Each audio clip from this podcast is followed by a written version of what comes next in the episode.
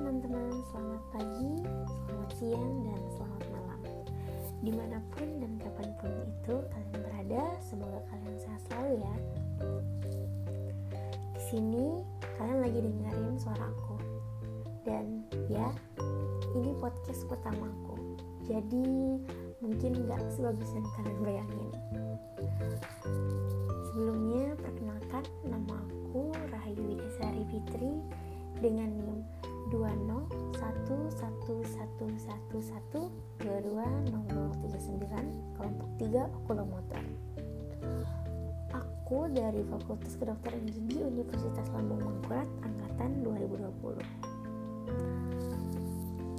Pertama-tama mau nanya nih dulu ke teman-teman, udah pada bosan gak sih di rumah terus? Terutama buat yang suka jalan-jalan. Ya pasti bosan lah ya aku aja yang anggapannya anak rumahan karena jarang keluar rumah udah ngerasa bosan banget di rumah ya tapi mau gimana lagi namanya juga lagi pandemi ngomong-ngomong masalah pandemik pandemik sendiri emang memaksakan kita untuk menjaga jarak dari lingkungan sekitar kita demi memutuskan rantai penyebaran virus. Nah, mau nanya lagi nih sama teman-teman. Selama pandemi ini, kalian pernah nggak sih mikir hal apa aja yang bisa kalian lakuin supaya kalian bisa lebih produktif dan bisa melakukan kegiatan lainnya yang bermanfaat cuma dari rumah aja? Hmm. Nah, jadi kita udah hidup di zaman milenial, di mana sekarang teknologi itu udah canggih banget dan platform media sosial itu udah membludak udah gampang banget buat kita akses mau di mana pun dan kapan pun itu.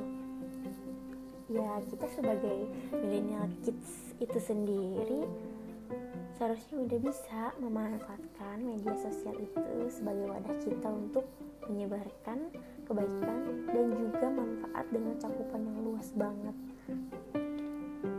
Nah di masa pandemi ini kita bisa memulainya dengan cara melakukan sosialisasi tentang betapa pentingnya merawat kesehatan dan kebersihan gigi dan mulut.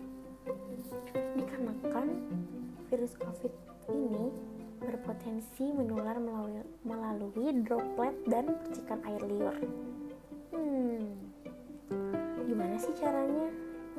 Nah, caranya kita bisa menggunakan aplikasi seperti Instagram, TikTok, dan media sosial lainnya cara apa sih? Nah, kita bisa mengirimkan poster bahkan video yang memuat tentang bagaimana cara menjaga kesehatan dan kebersihan gigi dan mulut itu. Mungkin kita bisa menjelaskan di dalam poster tersebut atau di dalam video tersebut bagaimana